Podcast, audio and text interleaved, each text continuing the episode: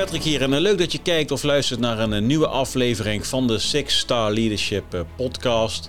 We hebben een diamanten jubileum, het is aflevering nummer 60 en mijn gast is Mark van Um.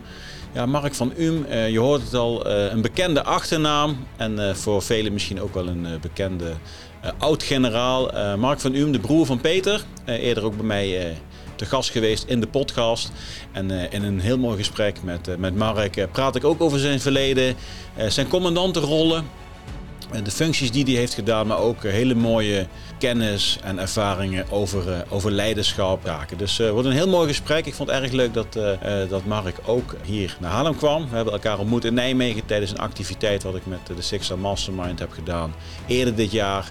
En we hadden zoveel dingen te bespreken. Ik zei, nou, kom ook eh, naar Haarlem toe. Dus eh, zo geschieden. Ben je nog niet eh, geabonneerd op de podcast? Nou, ben je een YouTube-kijker? Nou, ga dan eventjes naar de subscribe-button toe. En like meteen ook even deze video. Ben je een Spotify, Apple Podcast of een andere kanaal luisteraar? Nou, ook dan kun je je abonneren. Ja, dan krijg je altijd een berichtje op het moment dat er een nieuwe podcast online gaat staan. En uh, je kunt eventueel ook een recensie schrijven en ons een rating geven. Nou, doe dat ook. Dat is uh, goed voor de vindbaarheid. En dan kunnen gesprekken zoals deze door veel meer mensen gevonden worden. Nou, tot zover. We gaan lekker naar het gesprek. Alvast bedankt voor het kijken en luisteren. En ik wens je veel plezier met het gesprek met uh, Mark van UM. Zullen we beginnen, Mark? Ja, prima. Ja, ik zeg welkom bij de Sixter Leadership podcast. We hebben weer een, een jubileumuitzending, diamanten uitzending. Vandaag de 60ste uitzending. En ik heb uh, wederom een, uh, ja, een, een ex-generaal uh, op de koffie in Haarlem. En dat is Mark van Um. Van Um, hè? Van Um. Ja. Doe ik het weer verkeerd? Ja, ja, ja, ja. Heb ik, heb ik het vorige keer niet, niet goed gedaan dan? Nee, ik hoorde dat je zei uh, van um, ja. maar het is van um. Van um. Ja, Dus vandaar. Uh... Ja, je, moet me, je, moet, je mag me gaan corrigeren als ik het niet goed doe. Ja, ja. Maar van um, dat gaat helemaal goed komen. Maar vanaf nu zeg ik gewoon Mark, dat is goed. Ja, nee, prima joh. Helemaal prima. Nou, we hebben natuurlijk. Uh, nou, ik heb natuurlijk Peter in de podcast gehad. Ja. En we hebben natuurlijk een, een maandje of twee geleden drie maanden alweer, dat we in Nijmegen een mooie activiteit hadden. Ja, zeker ja. In mei was het volgens mij, hebben we de, ja, de, de, de Veterans March, de Sunset March heet dat, ja. hebben we gedaan. Met, met Peter, met jou en met een uh, leuke groep, uh, allemaal mannen trouwens. Allemaal mannen, ja. Allemaal ja. mannen. En toen zeiden we van, goh, ja, we hebben eigenlijk ook wat te bespreken met elkaar. Ja. Laten we een podcast opnemen. Ja, lijkt me leuk. Dus, uh... Ja, goed dat je er bent. Uit Brabant. Uit Brabant, ja. ja uit Graven. Hè? Uit Graven, ja. Hoe, hoe, hoe ben je daar beland? Nou, ik ben natuurlijk geboren en getogen in Nijmegen. Ja. dat, maar... vind ik, dat vind ik altijd fijn, hè? Ja, natuurlijk als goed. Nee, ik heb natuurlijk het, het, Rijk van Nijmegen. Uh, dus, dat is natuurlijk uh, in dezelfde regio. Ja. Maar uh, toen ik op de militaire academie zat, kreeg ik op een gegeven moment verkering met een meisje uit Graven, een echte gravin. En nou, daar ben ik later mee getrouwd. En toen hebben we uiteindelijk een huis gekocht in, in Graven. En ja, ik ben eigenlijk een import-Brabander, maar ik woon nu al meer dan 40 jaar in Brabant. En uh, ik zeg nu ook voor de grap, ik woon nu aan de goede kant van de Maas. Ja, ja, ja. Hè, dus als uh, import Brabander. Dus uh, prima wonen daar. Een mooi klein vestingstadje. Ja. En heel, heel, heel prettig wonen. Ja, ik ken het, ja. Maar de Nijmeegse tongval die is niet, niet verdwenen, hè? Nee, die, die, die zachte G die, die je zelf vaak niet hoort, die horen anderen nog steeds wel. Ja, ja. ja daar dus... heb ik in Haarlem ook hier, hoor. Ja? Ja. Dan zeggen ze, kom je in Brabant? Ik zeg, nou, net niet. Ik zeg Gelderland, Nijmegen, Groesbeek. Ja, dat is toch een beetje zuidelijke tongval, hè? Ja. Hey Mark, even, stel je eens kort voor. Kijk, ik denk dat heel veel mensen de naam van UM natuurlijk is heel bekend. Uh, de mensen die een militaire achtergrond hebben of daarin geïnteresseerd zijn, die zullen meteen zeggen van hé, hey, wat vet dat Mark van UM in de podcast komt. Ja. De mensen die wat minder daarin uh, uh, bekend zijn, stel je het voor? Ja, nou ja, de, de naam van UM is natuurlijk bekend vanwege mijn broer, hè, Peter van UM, mm -hmm. die natuurlijk echt een bekende Nederlander is. En ook natuurlijk nog regelmatig op televisie verschijnt hè, om uh, actuele ontwikkelingen in de wereld te duiden. Daar met name waar het gaat over conflicten. Ik ben zijn jongere broer. Uh, wij zijn uh, allebei in Nijmegen ja, zeg maar opgegroeid. Wij zijn afkomstig uit een, een bakkersgezin. Ik heb begrepen dat jij ook zoon ja, van een bakker ja, bent. Ja, dus uh, ja, we, we, hadden, ik had een, een oude... mijn, vader, mijn vader kon niet bakken, die deed vooral bezorgen. Oh, oké. Okay. zou ja, ja. een mooie wisselwerking zijn. Ja, ja, ja. Nee, maar mijn vader en, en mijn moeder die hadden dus een, een kleine uh, bakkerij, een warme bakker zoals ze dat vroeger noemden. Hè. Een klein bedrijfje. En ik had een oudere zus, die was vier jaar ouder. Peter is mijn oudere broer, die is drie jaar ouder dan ik. En als ja, kinderen wisten wij gewoon niet beter als dat we gewoon thuis in de zaak moesten helpen. Hè? En als je uit school kwam, en zeker op de middelbare schoolleeftijd, ja, dan gooi je je boekentas uh, eerst uh, in de hoek. Eerst en eens kijken, wat, wat is er, moet er nog een bestelling worden weggebracht? Uh, hè? Moet er, kan er iets gebeuren? En ja, daarna kwam het huiswerk pas aan de orde. Hè? Dus dat, dat zeg maar hard werken. Hè? En daar hebben we wel zeg maar ook thuis geleerd. Zie, zie, zie je dat nou nog in, in de omgeving dat dat ook nog is? Of is, is dat type gezin zeg maar vrijwel verdwenen? Ja, dat weet ik niet. Ja, er zijn natuurlijk nog veel familiebedrijven. Mhm. Ja, waarbij, ja, zeg maar, dat tegenwoordig dat kinderen echt meehelpen in het bedrijf. Zoals wij dat in die tijd hebben gedaan. Ik denk dat dat tegenwoordig niet meer zo gebeurt. Ja, denk ik ook, ja. dan is het misschien dat er meer personeel is of zo. Mhm. Maar wij vonden het heel normaal. Uh, misschien zouden ze tegenwoordig wel zeggen, misschien een soort kinderarbeid. Maar uh, ja, dat is het. Hè? Zo voelden wij dat helemaal niet. Het was voor ons gewoon normaal. Ehm, en ja, dus ja, geboren getogen in Nijmegen uiteindelijk, uh, ja, dus uh, toen mijn broer uh, koos voor de militaire academie, toen werd mijn blik daar ook wel een beetje op gericht. En ik had toen ik zelf mijn eindexamenjaar zat, eigenlijk twee keuzes van wat ik wilde worden. Dat was of, nou, ik wil ook officier worden, of ik word sportinstructeur. Ik ga naar de, de, de sportacademie. Nou, uiteindelijk sollicitatie in gang gezet. En toen was ik al vrij snel aangenomen voor de militaire academie. En dan hoefde alleen nog mijn eindexamen te halen. Dus ja, toen heb ik het andere niet meer doorgezet. En nooit geen spijt van gehad. Nee. dus ik ben ook officier uh, geworden. En maar hoe, hoe, lang heb je uiteindelijk uh, gediend? Bijna 40 jaar. 40 jaar. Ja. En ook een hele mooie carrière gehad eh, binnen Defensie. en ja, daar kijk ik nog steeds met heel veel tevredenheid. En ook met gepaste trots op ja. terug. Ja. ja. En, en dat, dat padje, kijk, Peter ging dus drie jaar eerder als jou al naar de militaire academie. Peter is drie jaar ouder dan ik, maar die heeft uh, destijds de HBS gedaan. En die was met 17 jaar was hij zeg maar, uh, klaar met zijn met middelbare school. Mm -hmm. Toen is hij met 17 jaar naar de militaire academie gegaan. Ik heb zelf gymnasium gedaan, dat was een zesjarige opleiding. Dus ik ben met 18 jaar naar de KMA gegaan. Dus hij is drie jaar ouder in leeftijd. Maar uh, in militaire jaren zit hij vier jaar voor mij. Mm. He, dus ik kan me goed herinneren, ik ging als geslaagd gymnast naar zijn buluitreiking. Op het moment dat hij zeg maar, klaar was met de KMA-opleiding. En een maand later liep ik met mijn eigen tasje onder de poort door om te beginnen aan mijn opleiding. Ja. Dus in, in KMA-termen, hij is een, van mij bedoel een vijfdejaars. Mm -hmm. En dus toen ik op de KMA begon, toen werd, dan had je zo van die, hè, zeg maar, om de, de waarden en normen te leren. Dat, vroeger heette dat dan hè, uh, ontgroening. Dat mag tegenwoordig niet meer nee, zo genoemd worden. Pas op, pas op. Hè. Coördinatieperiode. Dan worden we van YouTube afgehaald. Ja, ja. en uh, nou, in die tijd, ja, toen waren we, werd je door de derdejaars dus zeg maar wegwijs gemaakt in het, hè, het mm. rijlen en zeilen op de KMA met de waarden en de normen en de omgangsvormen die daarbij horen.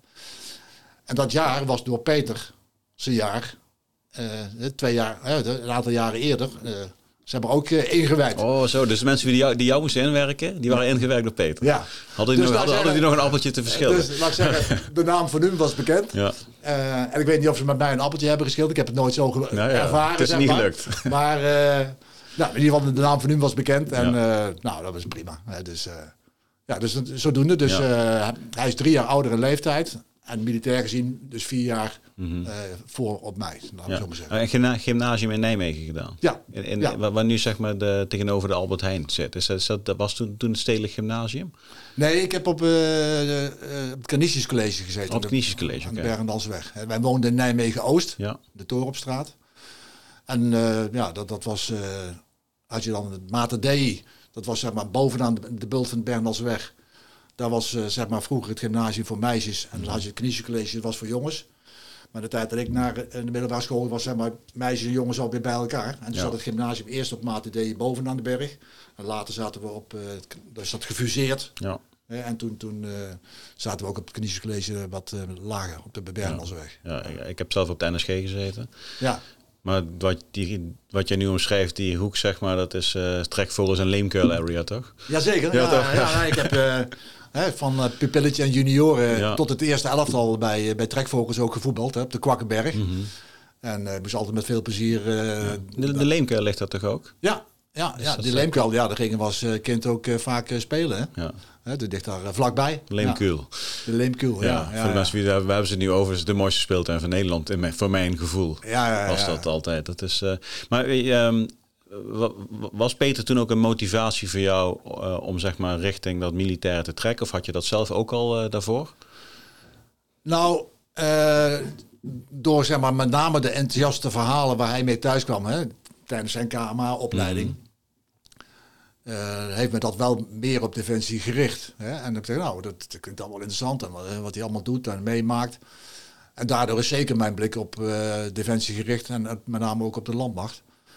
En ja, ik vond het buitengewoon interessant en dat, eh, ja, dat heeft mij ook gemotiveerd om diezelfde stap eh, te maken. Ja, dus dat heeft denk ik zeker wel daartoe bijgedragen. En, en k- kun je nog eens een van de eerste verhalen herinneren dan die jou eh, enthousiast maakte? Toen kwam een jong- jonge Peter, die kwam thuis. Die zei, goh, ik nou toch heb meegemaakt, dit is fantastisch. Nou ja, ik, denk met name de, de, de verhalen over ja, eh, eh, de, de kameraadschap. hè, van het, ja, de, de, hechte band die je hebt met, met je jaargenoten. Maar ook de dingen die je doet natuurlijk. Hè, als het gaat over eh, ja, de, de opleiding tot militair, eh, de fysieke aspecten.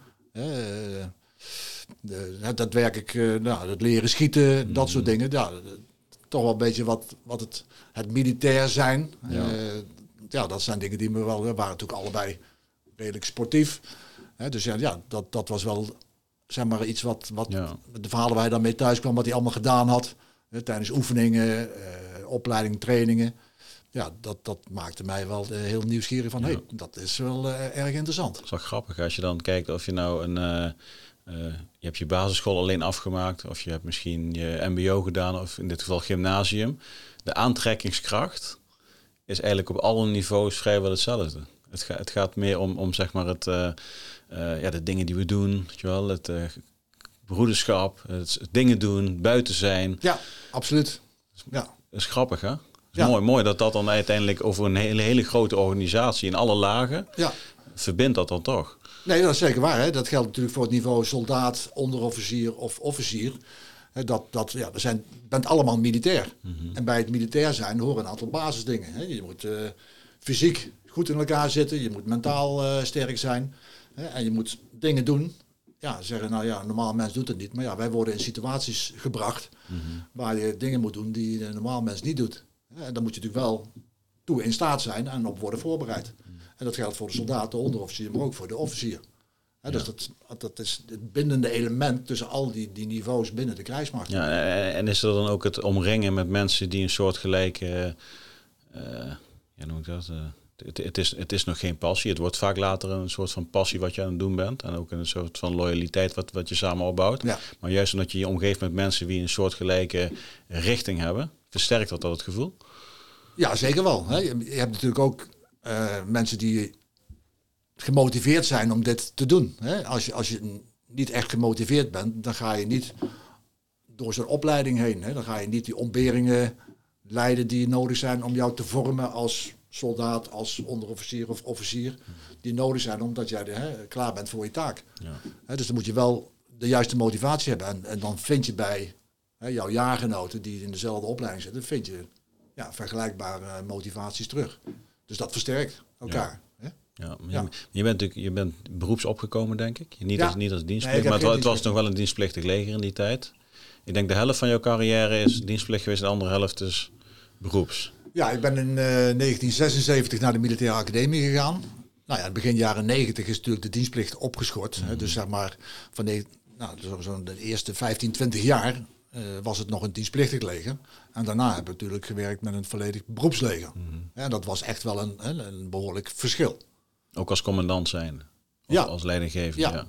Ja. Want in, in de tijd, zeg maar, in, in de tijd dat ik eh, commandant was van een peloton, of commandant, hè, dat is ongeveer man of 40, eh, of commandant was van een compagnie, man of 150, dat waren voornamelijk dienstplichtige, Ja. dus, hè, dienstplichtige soldaten. Maar die hadden dan ook een andere aantrekkingskracht ten opzichte van wat we zojuist bespraken natuurlijk. Dat, dat ja, is, er waren natuurlijk jongens die verplicht voor een nummer in dienst moesten.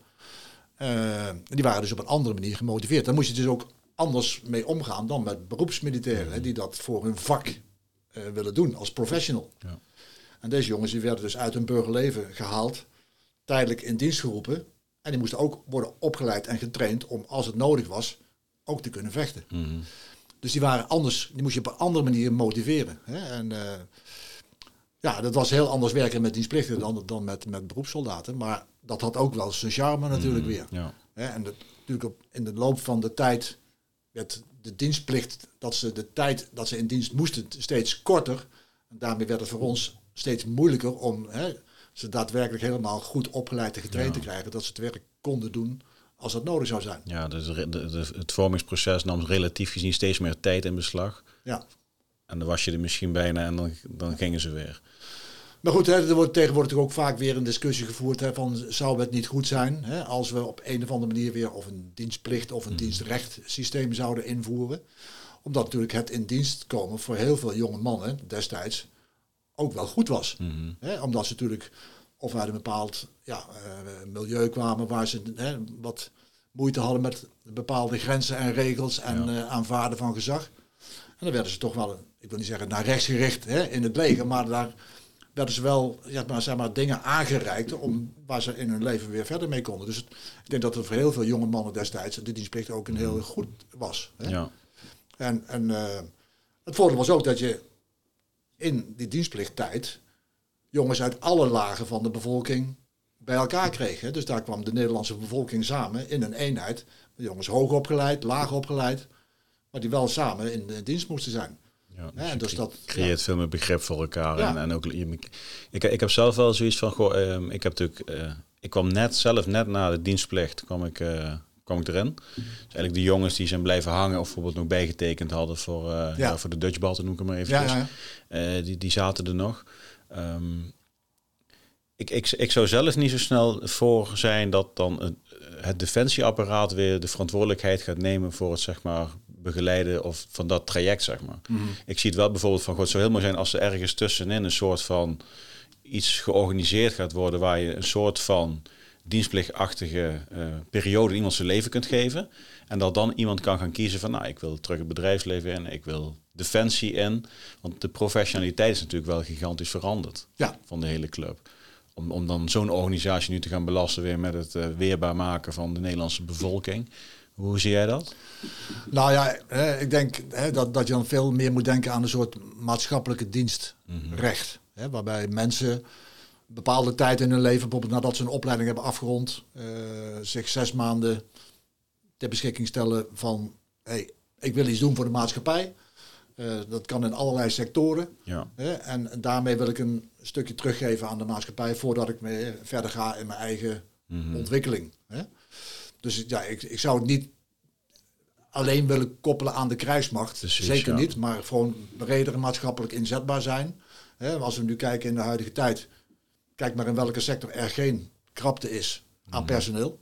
Dus ik denk dat op enige vorm van ja, eh, dienstrecht met daarbij een maatschappelijke inzet, breed, eh, ja, onze maatschappij eh, goed zou doen. Maar, Ja. maar ook de mensen die daadwerkelijk die dienstrecht gaan, gaan invullen, Ja. dat dat een toegevoegde waarde kan zijn. Ja, dus je, je moet eigenlijk de discussie of het onderwerp loskoppelen aan het tekort aan militairen. Want dat zie je vaak op het moment dat er dan ergens stront in de knikker is. Ja. Dan komen we eigenlijk achter dat ons apparaat een beetje kraakt, zeg maar. En dan misschien moeten we weer de dienstplicht eh Nee, dat, de kast is- halen. dat is niet de Die oplossing. discussie moet je voeren ook als het goed zou gaan, weet je Ja. wel? Inderdaad, ja. ja. Hoe, hoe heb jij weer uiteindelijk bij de, de, de Defensie ingegaan? Eh, Wat voor een type leider was jij? Hoe heb je jezelf ontwikkeld? Ja, wat voor type leider was je? Kijk, ja, Of je, type mens? Ja, dat komt vaak bij, bij elkaar samen natuurlijk. Ja. Nou ja, goed, ik ben natuurlijk eh, begonnen als, als luitenant pelotonscommandant van een uh, panzerinfanteriepeloton.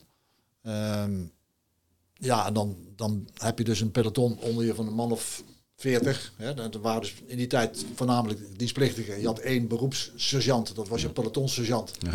En dan had je drie dienstplichtige sergeanten en, en de rest waren allemaal ook dienstplichtige soldaten. Ja, dan ben je dus de beroepsluitenant binnen zo'n compagnie, want die andere twee pelotonscommandanten, dat waren dienstplichtig. vaandrigs, dienstplichtige vaandrigs. Ja, ja. Dus ja, dan heb je natuurlijk door jouw langdurige opleiding, ben jij degene die de kennis heeft. Eh, maar op dat moment heb je als luitenant nog niet de ervaring, want je bent ook een startend officier. Ja, en dan is het natuurlijk belangrijk dat je de kans krijgt om je als jong officier te ontwikkelen. eh, waarbij je ook fouten mag maken, maar dat er ook mensen zijn die jou op je fouten wijzen. Ja. Hè? Want ja, dan moet je de ervaring gaan opdoen. En het is af en toe is goed om met je neus tegen de muur te lopen en dan, dan, dan zeggen, oh, dit was niet goed, hoe kan ik het beter doen? Ja, veel fouten zie je natuurlijk niet van jezelf. Nee, dan moet je dus, hè, je denkt als jonge luitenant, dan kan de heer weer de hele wereld aan. Hm. Maar je moet wel openstaan voor ja, mensen met meer ervaring dan jij, die jou dingen kunnen leren en kunnen aanreiken. Hè. Dus ik ja, ik ben altijd wel iemand geweest die ontvankelijk was voor, ja, ik heb iets gedaan en een stukje terugkoppeling, hoe kun je het beter doen? En daar kun je van groeien. Dus je moet, in welke fase je ook bent, als leider, beginnend leider, meer ervaren leider of een hele senioren leider, moet altijd openstaan voor feedback die mensen jou te geven van hey, je hebt nu dit gedaan, dat effect bereikt. Had het ook anders gekund en had je misschien meer kunnen bereiken. Dus ik heb altijd wel zeg maar open gestaan voor ja, beter worden. Dat je in ieder geval een betere leider kunt zijn. Had je wel onderscheid van mensen wie, waar, waar het eh, beter binnenkwam dan bij een ander? Kijk, als ik bijvoorbeeld naar mezelf kijk, bij, bij, ik, ik, ik heb me daar zelf wel in ontwikkeld. Ik vond het vroeger wel lastig. Maar van de een kon ik het dus niet hebben. En van anderen weer wel wat makkelijker. Hoe, stond jij daarin? Ja, dat is natuurlijk zo. Hè? Want ja, dat heeft ook te maken met vanuit welke achtergrond geeft iemand jouw feedback. Als dat iemand is met heel veel ervaring, het kan levenservaring zijn, dat kan functionele ervaring zijn, is dat meer beter en sneller te accepteren dan van iemand die misschien eh, ja, in jouw ogen ja, misschien helemaal niet zo'n goede leider is. Ja, dat is het wel het mooie woord in jouw ogen. Weet je Ja, wel. nee, maar dat is, dat gaat Ja. van je eigen perspectief. Ja, hè? ja. Hè, hoe jij naar de dingen kijkt. Hè, dus, dus dat is gewoon heel menselijk. Van de een kun je meer hebben dan van een ander. Hè, dat is ook belangrijk van. Ook later is het belangrijk van als je, als je eenheden gaat opleiden en trainen. Wie zet je dan naast zo'n commandant hè, om als, we noemen dat vroeger hulpleiders, hè, om dan die commandant af en toe even apart te halen, even rustig op een steen neer te zetten en even een gesprek te voeren. Ja, een hotel, hotelima Hè? Hulpleider. Hè? en, en een zachte steen. hè. Ja. Dus, ja. Ja, nee, maar goed. Ja. En dan moet je kijken welke combinatie is dan echt effectief. Want ja, daar, daar gaat het precies om. Tussen die twee personen Mhm. heeft die ander nou toegang bij, die, bij diegene die getraind wordt of niet. Dat zul jij misschien in jouw werk ook wel ervaren als jij met mensen bezig bent als cursisten. Ja, zijn ze ontvankelijk voor wat jij ze aanbrengt of niet? Ja. En dat gaat bij de ene beter dan bij een ander. Dat is gewoon menselijk. Ja, en, en, en merk je zelf naarmate je eh, eh, de jaren verstrijken, dat je meer open staat voor de mensen waar je misschien eh, twintig jaar eerder of voor ons zei van ja, dat vind ik gewoon iemand waar ik niet zoveel van aantrek. Ja, Want die- iemand van 16 kan misschien heel veel te vertellen hebben. ja. Eh Oké, maar toen ik zelf 23 was en, iemand- en er kwam een jonge soldaat en ik dacht van ja, gast, ik ben even met andere dingen bezig. Maar nu ben ik, ben ik 44 en denk van nou, misschien heeft die jongen juist wel de dingen te vertellen die wij als ervaren mensen omringd met elkaar juist niet zien. Ja, eh, laat zeggen, als je dus door de jaren heen hè, je ontwikkelt binnen de organisatie en je gaat naar steeds hogere functioneringsniveaus, je, je eigen kennis wordt groter, je ervaring wordt breder, eh, ja, dan, dan heb je ook meer tools hè, om om te gaan met diverse soorten collega's, eh, ondergeschikten, maar ook met bazen. Hè, je wordt daar zeg maar door je ervaring, hè, word, je, word je beter in hoe je met bepaalde mensen in bepaalde situaties eh, moet omgaan. Hè, en, en dan kun je meer, meer hebben. Gewoon, ja, je, je bent gewoon ouder in leeftijd, ook een stuk wijzer Ja, en misschien een stuk rustiger. ik- ja, dat, Ja, ja. En, eh, wat zijn de vergelijkingen tussen jou en Peter of juist de grote verschillen in deze? Zeg maar het managen van de bazen, de, eh, zeg maar de, misschien de emotionele componenten. Ja, ik denk dat Peter iets uitgesprokener is. Hè, dat hij zeg maar een duur woord wat extraverter is. Ik ben meer introvert, dus ik ben iets, iets rustiger, iets bedachtzamer. Ehm, dus dat is denk ik wel een, eh, verschil. Verder, ja, we zijn allebei eh, altijd sportief geweest. Hè. Eh, Peter heeft iets meer de lichaamsbouw van de opa van, van ons aan moederskant. Ik heb meer de vanumsbouw qua lichaam. Maar als je, elkaar, als je ons naast elkaar zet en je hoort elkaar al hoort ze allebei praten, dan kun je zeggen, nou, dat zijn twee broers. Hè? Maar we zijn toch wel, wel verschillend. Hè? En, ehm, dus ja, we, hebben ook altijd respect gehad voor elkaars eh, carrière. Eh, en we, hebben, we zijn allebei onze eigen weg gegaan binnen de, de landmacht. En ja, uiteindelijk zijn er twee broers allebei generaal geworden bij de landmacht. Mm. en dat is natuurlijk op zich wel heel bijzonder. Mooi, ja. ja. Ja, en zijn jullie ook elkaar spiegel geweest in al die jaren? Want je hebt wel je eigen pad bewandeld, maar wel allebei uh, richting luchtmobiel uiteindelijk. Uh, uiteindelijk ook commandantenfuncties gedraaid in Oersgan. Um, ben je elkaar spiegel ook in, zo'n traject? Want je ziet elkaar natuurlijk ook op de informele momenten. Misschien kennen jullie elkaar het beste van alle militaire onderling, omdat je ook nog broer bent. Ja, nou ik, ik zou, zou niet zeggen uh, spiegel. Want we hebben, zeg maar, we zijn, als persoon zijn wij, qua karakter zijn we toch wel verschillend. Uh, en, en, je bent natuurlijk een militair commandant, een leider vanuit je eigen persoonlijkheid. Dus in die zin zijn we geen spiegel geweest, maar hebben we wel uh, elkaars manier van, van werken gerespecteerd. Hij, Peter deed het op zijn manier, ik deed het op mijn manier. En dat is ook goed, hè? Uh, want dat, denk ik ook is een van mijn punten ook als ik praat over leiderschap. Het moet persoonlijk zijn. Hè? Het moet vanuit jou komen. Hè? Dus met, met jouw waarden en normen en hoe jij vindt dat je met mensen om moet gaan. Dat is heel bepalend voor jouw manier van leiderschap. Dus ik vind hè, de persoonlijke touch in het leiderschap. En dat deed Peter vanuit zijn persoon en ik vanuit mijn persoonlijkheid. Dus we waren niet elkaar spiegel, maar wel met respect voor elkaar. En we hebben ook hè, met elkaar afgesproken, we gaan niks voor elkaar uh, regelen. Hè, want hmm. Peter is ook twee keer functioneel mijn baas geweest. Dat is ook heel bijzonder. Hè? Ja. Hè, en dat was in de tijd toen ik commandant was van de luchtmobiele brigade, hè, de Rode Beretten. Toen was hij baas van de landmacht. Dus hij was, hè, ik was een directe ondergeschikte van hem. Maar je had natuurlijk ook andere brigades. Hè? En als ik iets voor mijn brigade wilde regelen, dan moest ik natuurlijk gewoon keiharde goede argumenten hebben. Die gewoon openlijk uh, hè, konden zijn. Nou, dan, dan heeft, hij, heeft, hij, een goede zaak. Dus dan hè, krijg ik wat middelen of uh, kon ik iets regelen voor mijn brigade. Maar het mocht niet zo zijn. Dan zeggen ja, dan hebben die twee broers onderling geregeld. Want dan krijg je natuurlijk alleen maar uh, gezeik over. Ja, maar hij heeft wel geregeld dat jij niet uh, bij hem in de compagnie kwam, toch? Ja, dat was ja, dat klopt. Ja, nee, toen, toen wij... Uh, ja, dan moest je natuurlijk even terugkomen. Ja, nee, dat snap ik. Nee, hè, toen ik van de militaire academie afkwam, en dan word je natuurlijk als luitenant geplaatst bij je eerste eenheid. Toen ging ik dus ook naar het 48e Panzerinfanteriebataljon in Sertogenbos. En dat was het bataljon waar mijn broer op dat moment als eerste luitenant commandant was van de Brave Compagnie. Nou, toen hij dat hoorde, eh, toen heeft hij in ieder geval bij de bataljonscommandant, de baas van dat bataljon, aangegeven van ja, ik heb vernomen dat mijn broer bij het bataljon komt, maar die moet niet bij mij in de compie komen. En ik denk dat dat ook heel verstandig was. Hm. Dus toen ben ik pelotonscommandant geworden bij de Charlie Compie. Ja. ja. Nou, ik kan me nog wel herinneren dat op een gegeven moment werden wij als bataljon geoefend door de brigade. En dan moesten we met het bataljon, dat is wel een beetje een militair verhaal, eh, een opmars doen. Hè. Dan ging het bataljon over twee assen voorwaarts. En moest ik met mijn peloton, spitspeloton zijn. En de, volgde Peter met zijn compagnie. Dus het was zeg maar een beetje de Van Umsas. Ja. Nou ja, uiteindelijk was het geen succes, want het bataljon ging over de andere uh, as veel harder voorwaarts. En wij liepen op zware tegenstand. Ja. Dus, maar ja, toen had je dus twee luitenants. Maar jullie waren te veel aan het discussiëren met elkaar? Nee, nee, nee, nee, nee. Maar toen had je dus wel twee luitenants van Um in één bataljon. Dat was zo, ja, welke bedoel je nou? Ja, ja, ja. hij werd vrij snel daarna kapitein, toen was het probleem opgelost. Dus, ja. Nee, maar goed, hij is dus uh, uiteindelijk twee keer uh, mijn commandant geweest. Uh, dat was toen ik, zoals ik zojuist zei, commandant was van de luchtmobiele brigade. Nou, en hij het baas van de landmacht.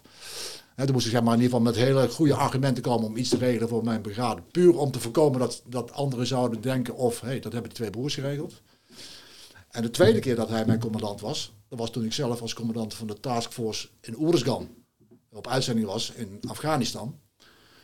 Um, toen was hij commandant der strijdkrachten. Nou, en dan is het zo geregeld dat in de bevelslijn, hè, dat je dan zeg maar in de NAVO-verband, had je dan de commandant van het regionaal commando Zuid in Afghanistan, dat was op dat moment uh, Marten Kruijf. Ja. Dat was toen mijn, mijn NAVO-commandant. Ik, heb, ik heb de hele driehoek nou in de, in de podcast Ja, nou kijk, hè, dat is wel alle lijntjes weer bij elkaar. Ja.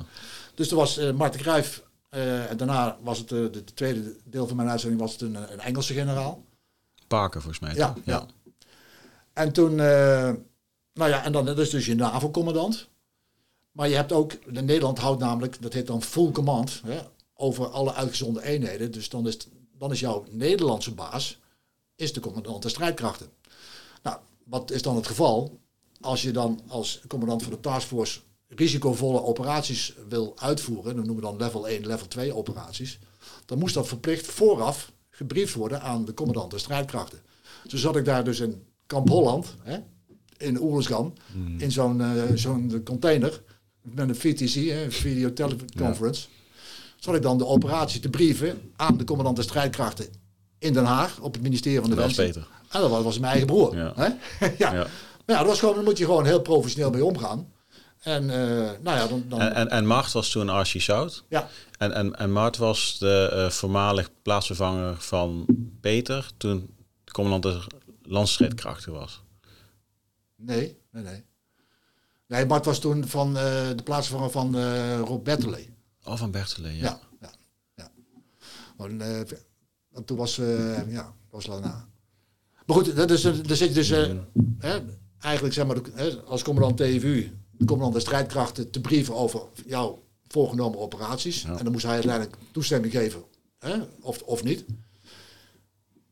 En ja, als commandant de strijdkrachten kwam hij ook eens in de drie maanden kwam hij op bezoek bij de uitgezonden troepen in Afghanistan. Ja, en dan sta je daar dus als commandant TVU op de vliegstrip in Tarinkoud.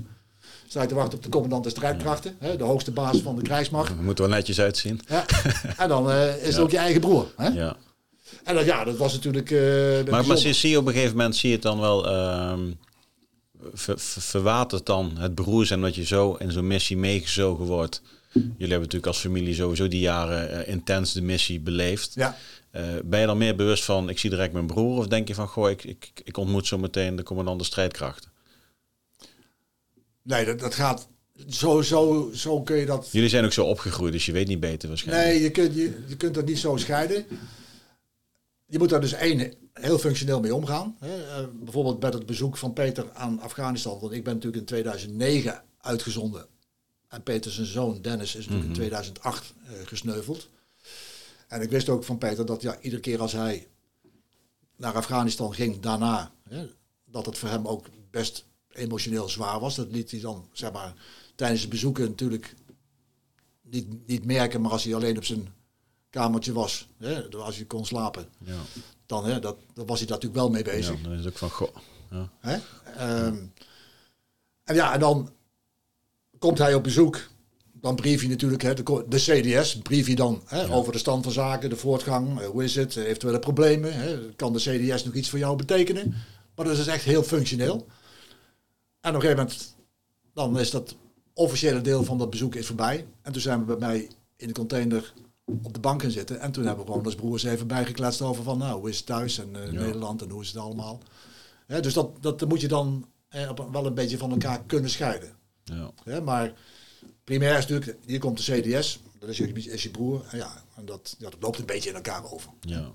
Dat is wel bijzonder man. Ja, Het is echt heel bijzonder dat je ook dat soort eh, eigenlijk intense momenten in elkaars carrière, maar ook als broers, zeg maar, dat je dat zo mooi samen kunt beleven natuurlijk. ja.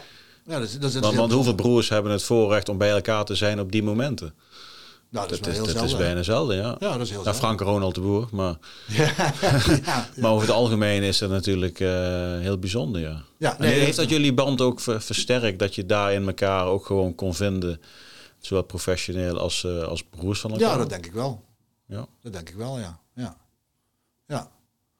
Nee, maar dat is natuurlijk zeker, hè, de- het is natuurlijk niks ergers dan dat, dat je je zoon of je dochter verliest. En in dit geval dan eh, Peter en Inge dat ze Dennis hebben eh, verloren. Ja, dan kun je natuurlijk als, als broer en schoonzus kun je er alleen maar voor hun zijn. Hè, ter, ter ondersteuning, eh, om dat eh, ja, zware verlies te helpen dragen. Ja, en ja, dan, dan ben je natuurlijk in primair, daar ben je ook broer voor. Ja. Hè? Ja, Ja. maar, maar ook, ook, ook zelf natuurlijk. Hè? Zeker. Kijk, je bent oom. Ja. En, en, en het is eh, um, even hypothetisch gezien, stel dat eh, Peter niet eh, functioneel de man was wie die was geweest. En jij had jouw jonge neef verloren.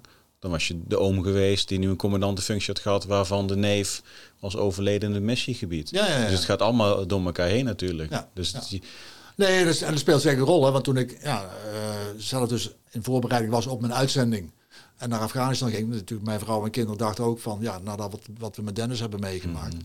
zal het toch niet zo zijn dat er nog een tweede van hem eh, in Afghanistan achterblijft. nee. Hè? En dus dat heeft bij hun ook wel extra ja, spanning of eh, ja, hoe moet noemen, hè, zorgen Ja. die zeker wel zijn geweest. Het zal toch niet? Het zal toch Ja. niet, hè? Ja. Nee, dat speelde zeker een rol, absoluut. Als je- En hoe heb je, je hebt, je hebt, je hebt eh, Bosnië dan, S voor 5, of S voor 6, sorry. ja, Ik was zelf S voor 5, dus we hebben elkaar daar eh, zeg maar, Afgelost. afgelost ja. Ehm, TFU eh 7, Ja. ik was zelf TFU 4. Ehm, hoe, heb- hoe heb je al die missies ervaren? Wat zijn, wat zijn voor jou de grootste verschillen geweest al die jaren? Kijk, ik, was, ik was in 1999 ben ik dus naar, naar Bosnië geweest met mijn eh, bataljon. Eh, dat was sowieso al een behoorlijke uitdaging, want ik was natuurlijk commandant van een infanteriebataljon luchtmobiel. Hè, voor de, voor de niet-militairen, eh, zeg maar mannen met een jas aan, een geweer en een helm. En een rugzak. En de grote rugzak. Hè, rode beretten. Hè, die, Ja. die normaal gesproken werken met helikopters. Hè. Die worden van A naar B met een helikopter gevlogen. En die, die vechten samen geïntegreerd met eh, eh, gevechtshelikopters. Ja, wij, wij waren wel heel jaloers op jullie, want jullie hadden al die mooie rugzakken. ja. Jullie, waren de eerste, jullie waren de eerste. Wij hadden die pukkel nog. Ja, ja, ja. Maar goed, in Bosnië moest je dus op een andere manier optreden. Hè? En eh, alle bataljons van de landmacht werden toen ingezet voor die missie in Bosnië. En dus ook, wij waren het eerste luchtmobiele bataljon wat in Bosnië moest optreden. Maar dan moest je optreden met een voertuig, met een kanon erop. Dat was zo- zo'n IPR noemen ze dat, een infanterie gevechtsvoertuig. Een Ja, gepantserd ja, voertuig. Hij hangt links van Ja, je. ja, ja. Hè, een, een, een, een gepantserd voertuig op rupsen. Nou ja, en die soldaten van mij, die zeiden van, potverdomme, dan moeten we een, een IPR aantrekken, in plaats van een rugzak.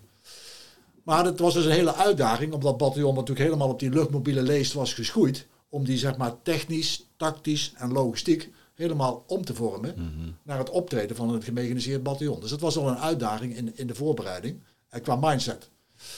Ehm, dus daar zijn we eigenlijk een hele, we noemden dat toen de groene opleiding, hebben ze zeg maar omgeturnd van luchtmobiel infanterist naar gemechaniseerd. Waarbij we zoveel mogelijk de organieke verbanden hè, van een peloton overeind hebben gehouden. Hè. Eerst dat- groen, o- eerst groen omscholen Ja. en daarna richting het vrede. en, en daarna zeg maar, hè, dat was een tweede was dan, dat je missiegericht moest Ja. voorbereiden. Specifiek op het optreden daar. Want het was natuurlijk een vredeshandhavende operatie. Er werd niet meer gevochten in, eh, in Bosnië. En we moesten gewoon zorgen dat de strijdende partijen gewoon uit elkaar bleven. En een beetje toezien hè, op het handhaven van de vredes. de, Kosovo, de Kosovo-oorlog was wel in onze periode. Dat bij jullie ook, denk ik. Dat was toch een beetje die overlapping in die jaren. Ja, maar goed, wij gingen dus naar Bosnië. Hè. Ja. Dus- nee, maar wij hebben toen zelf in dat gebied eh, moesten wij wel eh, eventuele Serven gaan tegenhouden als die richting Kosovo wilden gaan. En daar met, met roodbloks heel veel. En Nee, maar dat, dat Nee. speelde in mijn tijd in ieder geval niet. Nee. Hè, dus het was gewoon, hè, je had toen het Dayton Peace Agreement. ja, Hè, alle strijdende partijen waren ontwapend, de wapens waren opgeslagen in complexen. Dat moest je inspecteren. Hm. Nou, er waren natuurlijk wel wat spanningen in het gebied. Hè, met name de terugkeer van eh, de- wat- we noemen vluchtelingen, DPRE's, ja, hè, dus ja. de Displaced Persons and Refugees. Dus dat leverde wel wat spanning op. Maar het was gewoon zorgen dat de zaak rustig. En dat is prima gegaan. Maar dat moest je dus allemaal wel aanleren. Hoe ga je dan patrouilleren? Hoe maak je contact met de bevolking? Mm. Hè, et cetera, et cetera. Dus ja, de grootste uitdaging was zeg maar, in de voorbereiding het omturnen van een luchtmobielbataljon naar een gemechaniseerd bataljon klaar voor die vredeshandhavende taak. Maar goed, ik ben van het regiment van Heuts. En Van Heuts, de oude generaal van Heuts, die had een mooie, mooie motto, laat ik het zo maar zeggen. Het moet, dus het kan. Dus dat had ik ook als motto gekozen voor de missie. We moeten van luchtmobiel naar dat gemechaniseerd optreden en dan specifiek gericht op het optreden in Bosnië. Dat is anders dan wat we gewend zijn, maar het moet dus het kan. punt. En, en, en, Ja. hè, en daarmee eh, zei ik tegen, ja, naar, naar je mensen toe van luister, ja, we willen allemaal graag die uitzending eh, doen. En ik wil zoveel mogelijk mensen van mijn bataljon meenemen, maar dan wel op die manier. Dus het moet, Ja. dus het kan. Maar is wel mooi, is sprekend ook hoe dan waardevol een, een, zeg maar een hele oude leuze een motto van een eenheid Ja. werkt om uiteindelijk dingen weer in gang te zetten. Ja. En dat was ook, hè, we hadden natuurlijk met, met, met- ik was daar dus bataljonscommandant en dan had ik ook een staf. Hadden we iedere ochtend een, eh, een stafbriefing. Oké, hè, wat is er gebeurd? En wat, is er, wat gebeurt er vandaag? Aan het einde van de wat we nog vragen? Nee, het moet dus het kan. Ja. Voorwaarts. Ja. Dus ja. Maar jullie zaten in Sisava, denk ik, of niet? Ja, bij, Sisava. de- bij de ski. ski Ja, ja, ja, met de oude skiberg. Ja, dus, nou ja, en dan, dan ja, dus laten we zeggen, eh, Maar, maar had je toen ook nog, sorry, eh, eh, jullie, waren jullie de eerste eenheid van luchtmobiel die na Dutchbad weer richting Bosnië gingen? ja, Jullie waren die eerste club weer. Maar Ja. dat was, Dutch was 3 was, het was 13 luchtmobiel. Ja. Maar Dutch was 1 was 11 luchtmobiel. Ze zat daar nog een soort van iets van het verleden wat je ook meenam daarin, in het opwerken of in het verwerken, of mensen die misschien Dutchbed hadden gedraaid die ook weer meegingen? Ja, dat, maar dat waren wel individuele gevallen. Mm -hmm. maar er zat toch wel enige tijd wel weer tussen. Ja, vier, vier uh, vijf jaar ondertussen. Ja. Er was wel, we hadden ook zeg maar een, een, een psycholoog in, in de staf. En ik zeggen, voor sommige mensen was de uitzending naar Bosnië in 99 ook therapeutisch voor wat ze bij Dutchbad destijds hadden meegemaakt. Ja. Uh, om, om te kijken, oké, het, het, gaat weer verder, het leven gaat door. Dus dat heeft ook wel weer geholpen. Hè? Maar er waren wel individuen hè, die binnen het bataljon, die zeg maar wat extra in de gaten werden gehouden. Mm -hmm. Maar dat is allemaal over het algemeen wel goed gegaan. Ja. ja. En, zeg maar, en, die periode zelf, ja, het is natuurlijk heel bijzonder. Je hebt het zelf meegemaakt. Eén, om uh, op uitzending te zijn. Hè? Maar als je dan als commandant met jouw bataljon eigenlijk je hele bataljon mee mag nemen en kunt nemen mm -hmm. naar zo'n inzet, waar je natuurlijk heel intensief met elkaar uh, werkt. En als dat allemaal goed gaat en naar tevredenheid verloopt, ja, dan, dan is het natuurlijk als commandant natuurlijk een fantastische ervaring. Ja. En dat was in de rang van de overste, denk ik. Dat was, ja, toen was ik luitenant-kolonel. Ja. En je, dat zie je wel steeds minder inderdaad, dat je als commandant van een bataljon eigenlijk het voorrecht hebt om met jouw club ja. in zijn geheel zeg maar, een missie te draaien. Het is steeds meer versnipperd geworden natuurlijk. Ja. Nee, maar dat was dus echt, uh, ja, het was ook mijn insteek om bij, hè, want je moest dus die omvorming doen, hè, naar, van luchtmobiel naar gemechaniseerd in een bepaalde organisatie, om dus zoveel mogelijk mensen van mijzelf mee te nemen. Want die heb je natuurlijk, had je zelf opgeleid, getraind, gevormd. Dat was een bepaalde samenhang. Ja, en dat wilde je natuurlijk vasthouden. Hè. Ja. En dat, dat is natuurlijk erg belangrijk hè, in, in, in die teamvorming. Ja, ja en uh, kijk, bij de, bij de, de taskforce in Oeruzgan was natuurlijk een heel ander soort conflict. Hè. En uh, ik heb daar dus in, negen, in 2009 uh, een half jaar gezeten als commandant van de taskforce. En dat was in de tijd wat, zeg maar, nou ja, hè, vechten als het moet hè, en opbouwen als het kan. Hè, dus het was enerzijds gevechtsoperaties en anderzijds opbouwen. Hè, dat is ook wel vaak uh, uitgelegd als de 3D-aanpak. Defense, diplomacy en development. Dus defense is dan, staat voor veiligheid. Diplomacy is dan met name opbouwen van het bestuur. Hè, en development is ontwikkeling. En in de fase dat ik daar commandant was zijn, was, uh, ja, ging dat eigenlijk hand in hand samen. In sommige gebieden was je nog aan het vechten. En in andere gebieden was je al aan het opbouwen en aan het uh, ontwikkelen. En het bijzondere in die tijd was met het leidinggeven dat je uh, als commandant TFU was je gekoppeld aan een civiel vertegenwoordiger, een diplomaat van buitenlandse zaken. Uh, en met z'n tweeën vormde je een soort command team. Hè? En met z'n, tweeën mm-hmm. stuurde je dus alle operaties aan, over die drie vlakken. Ja. Omdat je ook met heel veel NGO's te maken hebt en zo? Of? NGO's, oh, Nederlandse ambassadeurs, gelden. Ja. hè, de, de, de, en dan hadden we in ieder geval, ik heb dat gedaan met uh, Michel Rentenaar. Dat was mijn uh, civiel tegenwoordig tijdens mijn uitzending. Die is, was tot voor kort ambassadeur in, in Irak en die zit nu in Ramallah als ambassadeur voor de Palestijnse gebieden. Zeg maar, hè, zeg maar op buitenlandse zakenniveau is het ook generaalsniveau. Maar we hebben toen heel, hè, zes maanden lang hè, ook samen opgewerkt, zes maanden op uitzending. Maar we hadden wel bepaalde basisafspraken van hoe gaan we dat nou doen. Hè? Als uh, een generaal van Defensie en een diplomaat van Buitenlandse Zaken die samen een operatie moeten aansturen. Mm. En je had dus die 3D-benadering. Dus hadden we zijn nou defense, veiligheid. Als het gaat over veiligheid, dan is het uiteindelijk mijn call. We konden natuurlijk met z'n tweeën binnenskamers uh, discussiëren en van mening verschillen. Maar dan namen we een besluit. We gaan het dit en dit doen. En naar buiten toe stralen we hetzelfde uit. en ik denk dat dat heel belangrijk is. En, en, en dan ben jij de spokesman zeg maar, van dat stuk. Op gebied van, van veiligheid. Ja. Als het ging over opbouw van het bestuur, of het ontwikkelen, economisch, uh, noem maar op, uh, dan was het zijn field of expertise. en dan had ik natuurlijk ook mijn mening. Maar als we dan samen een besluit hadden genomen met z'n tweeën, dan droegen we dat ook samen uit. dus, en ik denk dat het ook misschien een mooie les is voor, voor, voor niet-militair of zeg maar een, een, een, managementteam of, of, of een uh, raad van bestuur. Tuurlijk mag je intern bij discussies met elkaar van mening verschillen. Maar als je een besluit neemt, dan moet iedereen daarachter gaan staan en dat ook blijven communiceren. En zo word je niet uitgespeeld. En, en dan kom je ook krachtig over. Dus wij hebben toen in ieder geval ervoor gekozen om altijd, hè, we waren zo joint at the hip, hè? dus we liepen altijd samen, uh, waren we zichtbaar. Hè? En bij alle belangrijke activiteiten, hè, dan stonden we daar samen. En, dat, en, dan dat is zo'n unity of effort, dus eenheid van inspanning. Dat we zowel in de militaire lijn als in de, in de civiele lijn de, dezelfde richting op ging. Ja, en dan mensen die de intentie hebben om daar tussen te komen, wil je zo weinig mogelijk kansen geven. Ja, geen aangrijpingspunten bieden, zoals ze dat militair zouden zeggen. Ja, En dat is dan heel belangrijk, dat je dan wel die eenheid uitstraalt. En dat ze zeggen, nou ja, hè, kunnen we niet ergens daar uh, iets anders regelen. Heeft bij die twee toch geen zin. Dan kom, je, Dan kom je niet tussen, dan doe je het goed. Nee, nee. Ja. maar dan moet, het is wel belangrijk dat je ook persoonlijk goed klikt. Hè? Dat, je, dat, eh, nou, dat ging bij ons fantastisch. Hebben jullie nog contact? Ja, ja. ja ik ben uh, afgelopen zomer nog bij hem geweest in Groningen. Oh, wat goed. We hebben nog samen een hapje gegeten. En uh, zoals gezegd, hij zit nu in een Ramallah.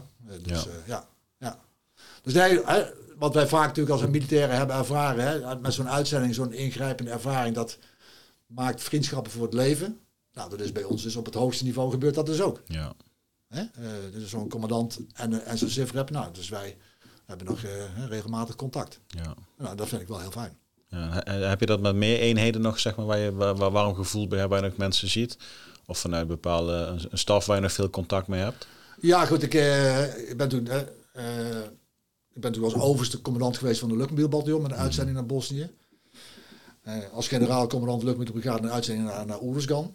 Maar daartussen ben ik nog een keer als kolonel commandant geweest van het korps commandotroepen. Mm dat is ook natuurlijk een hele bijzondere eenheid. En daar heb ik ook drie jaar uh, de commandant van mogen zijn. En daar heb ik ook nog steeds uh, contact mee. Ben je dan ook groene beret dragen of hoe gaat dat? Nou, het bijzondere was, uh, ik ben geen commando. Ik ben niet commando opgeleid. En ik kan me nog goed herinneren dat ik, ik, heb een jaar in Amerika gestudeerd, kwam terug, werd toen geplaatst bij de staf van de landmacht, toen nog in Den Haag een gegeven moment moest ik bij uh, de plaats van het bevel hebben komen. Ze hebben de tweede man van de landmacht. Mhm. En die zei van, nou ik ga even zitten. En ik zeg, ja, goedemorgen generaal. Hij zei, ja, we willen dat jij commandant korpscommandotroepen wordt. mijn eerste reactie was, maar generaal, u weet toch, ik heb geen groene beret. Ja, zei hij, dat maakt niet uit, maar we willen jou daar hebben. Ik zeg, oké, nou dan gaan we die kant op. Mhm. Maar dan ga je dus als niet-commando commandant worden van het korps commandotroepen en ga je dus leiding geven aan het elitekorps van de landmacht. Ja, en natuurlijk, eh, dan word je natuurlijk als commandant word je wel natuurlijk wel even de maat geweten. Zeggen, wat hebben we nou uh, voor een commandant binnengekregen? Maar uiteindelijk heb ik steeds gezegd, jullie moeten me niet beoordelen op wat op mijn hoofd zit, wat voor kleur baret, want ik heb toen gewoon de normale landmachtberet gedragen. Hè. Moeten beoordelen wat onder die beret zit. En wat ik voor het korps kan betekenen. Hè, met mijn kennis, mijn ervaring, met mijn contacten. Hè, dus reken me daarop af en niet wat op, op mijn hoofd zit. Nou, dat is toen uh, prima, prima gegaan. Ik heb wel, be, bewust niet voor de rode beret gekozen? Nee, maar dat had toen helemaal geen... Nee. Uh, in die, die tijd, dat was 2002, 2005. Toen was die relatie KCT Luchtmobiel nog niet zo eng zoals het tegenwoordig is. Toen was het waren gewoon twee enen naast elkaar. Okay. dus ik had wel mijn rode beret, maar ik denk, dat heeft geen... Ik ga gewoon lopen zoals iedere niet-commando die toen bij het korps liep gewoon met een normale standaard landmacht. Ja, dat is wel mooi, want ik denk, ik denk dat je juist, uh, uh, hoe je net ook omschrijft, van nou, kijk niet naar mijn beret, maar wat eronder zit. Ja. Dat je juist nog meer dienstbaar kunt zijn voor de opdracht waar je even bent. Nou, ik weet niet of je dat nog kunt herinneren, maar in die tijd speelde, toen ik commandant KST was, ook de berettenaffaire. Oh, dat er nieuwe landmachtberetten kwamen, niet te groen waren. Ja. ja. Nou, toen was ik dus. Ja, ik had een zwarte beret, ik had er geen last van. toen was ik dus commandant van de commando's. En toen kreeg de landmacht een nieuw dagelijks tenue, hè, net de uniform. Mhm. Met een daarbij passende kleur beret. Alleen die kleur van die beret, die leek verdomd veel op de groene beret van de commando's. Mhm. En toen waren, nou, tegenwoordig hebben we het ook over complottheorieën. Hè? Ja. En toen waren dus niet, niet binnen het korps. Vaak komen ze uit op, pas op. niet binnen het korps, maar met name oud-commando's. Ja. Hè? Je hebt allerlei commandoverenigingen. Die zeiden van, ze hebben potverdomme die van nu bij ons neergezet om onze groene beret af te pakken.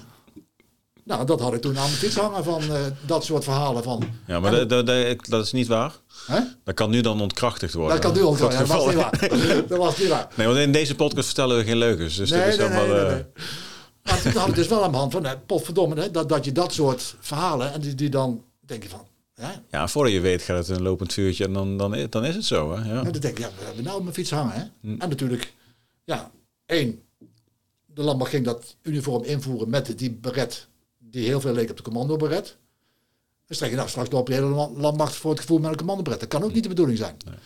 Er waren zelfs mensen die de toenmalige baas van de landmacht adviseerden, nou, je moet die Van daar weghalen bij het uh, korpscommandotroepen, want die loopt hier door schade op. Ik denk, maar dat gaat niet gebeuren. We gaan niet eh, het gevecht afbreken. Nee, nee. We gaan kijken of we het kunnen oplossen. Dus toen heb ik, moest ik ook bij de bevelhebber komen. En toen heb ik geadviseerd. Nou, wat is, het- wat is het probleem? De kleur van de nieuwe landmachtberet lijkt gewoon te veel op die van het korpscommandotroepen, de groene beret. Dus we moeten kijken naar een meer afwijkende kleur die wel past bij het uniform. Nou, dat is uiteindelijk, heeft de toenmalige bevelhebber dat ook besloten. En is er dus een andere kleur bij dat nieuwe uniform. Een andere kleur beret. Nou, toen was het probleem opgelost. Welke kleur is het uiteindelijk geworden? Want eerst, Ja, het is een beetje... we hadden eerst een beetje die viesbruine, weet je wel. En toen kwam inderdaad de, de groene. Ja, En Wat, wat is het dan geworden? Ja, er is iets wat meer bij, bij, het, bij het, het heel, heel donkerder, Ja, eh, richting... donkerder groen. Ja, Ja. groen-grijzig is het meer Ja, geworden. ja, Ja. groen-grijs. En, eh, nou ja, en, en de les die je daaruit kunt le- leren is van... Kijk, als jij, als jij commandant bent van een eenheid of baas van een bedrijf... Er kan altijd iets gebeuren waar jij zelf geen invloed op hebt. Maar die wel impact hebben op jouw organisatie. En dan kun je als baas onder druk komen te staan. Ja, dan, dan, dan, wat moet je dan doen? Dan moet je kijken, wat is, wat is de oorzaak van het probleem? En kan ik zorgen dat het probleem wordt opgelost? Hè? En nou ja, dat, dat heb ik toen eh, gedaan. En gelukkig ging de bevelhebber daarin mee. Ja. En wie, wie was je opvolger? Was dat Otto van Wegge? Ja, Otto was je opvolger? nee, nee, nee, nee, nee. Nee, Of- nee even goed zeggen. Dat is ook wel leuk. Otto was mijn voorganger Was je voorganger? bij het ja. korpscommandotroepen. En ik heb het overgedragen aan mijn jaargenoot Kees Vollaert. Ja. En later, toen ik luchtmobiele mobiele brigadecommandant was, heb ik het overgedragen aan Otto van Wiggen. Dus zeg maar, ik heb de groene beretten van Otto overgenomen. En ik had geen groene beret. Otto heeft van mij de luchtmobiele brigade overgenomen. Ja. Die had wel een groene beret, maar die heeft zeg maar, niet de rode beretopleiding gedaan. Maar die heeft toen wel zeg maar, zijn rode beret van de bevelhebber gekregen. Dus dat was wel eh, een leuke, Ja, grappig, ja. leuke ja, ja. ontwikkeling. Ja, En, en, en Swellens, die is, die is, die is daarna, dus die eh, ja, ja. ja. KCT. Dus tijdens de Oeruzkan-periode was Swellens volgens mij eh, commandant KCT, of niet? Nou, nou, nou. eh, Jan Swillens was... Je hebt meerdere malen, zeg maar, toen ik bataljonscommandant was. Toen was hij in het begin commandant van een van mijn compagnieën. Mhm. Toen ik commandant van de luchtmobiele brigade was, toen was hij commandant van het 12e bataljon. Hm. En hij is toen met het 12e bataljon als battlegroep 8 volgens mij naar Oeruzkan geweest. Ja.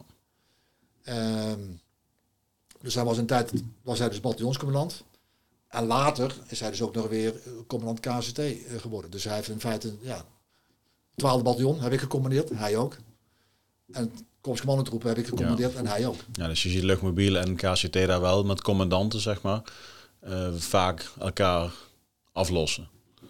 Is het, toe- Ja, is dat is toeval dat ja, dat ja, dat ja. nou, we hebben nu toevallig ook dat nu is Paul Jansen commandant van de korpscommandotroepen. En die is ook commandant van het 12e bataljon geweest. ja. Ja.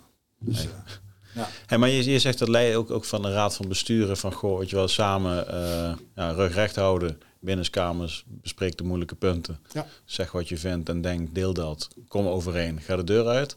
Eh, je, je zegt ook van, nou, door omgevingen kun je als, als leider in een hoek gedrukt worden. Ja. Nou, weet je wel, hoe, hoe ga je ermee om dat je zelf niet schaadt, maar ook je club eigenlijk niet. Ja.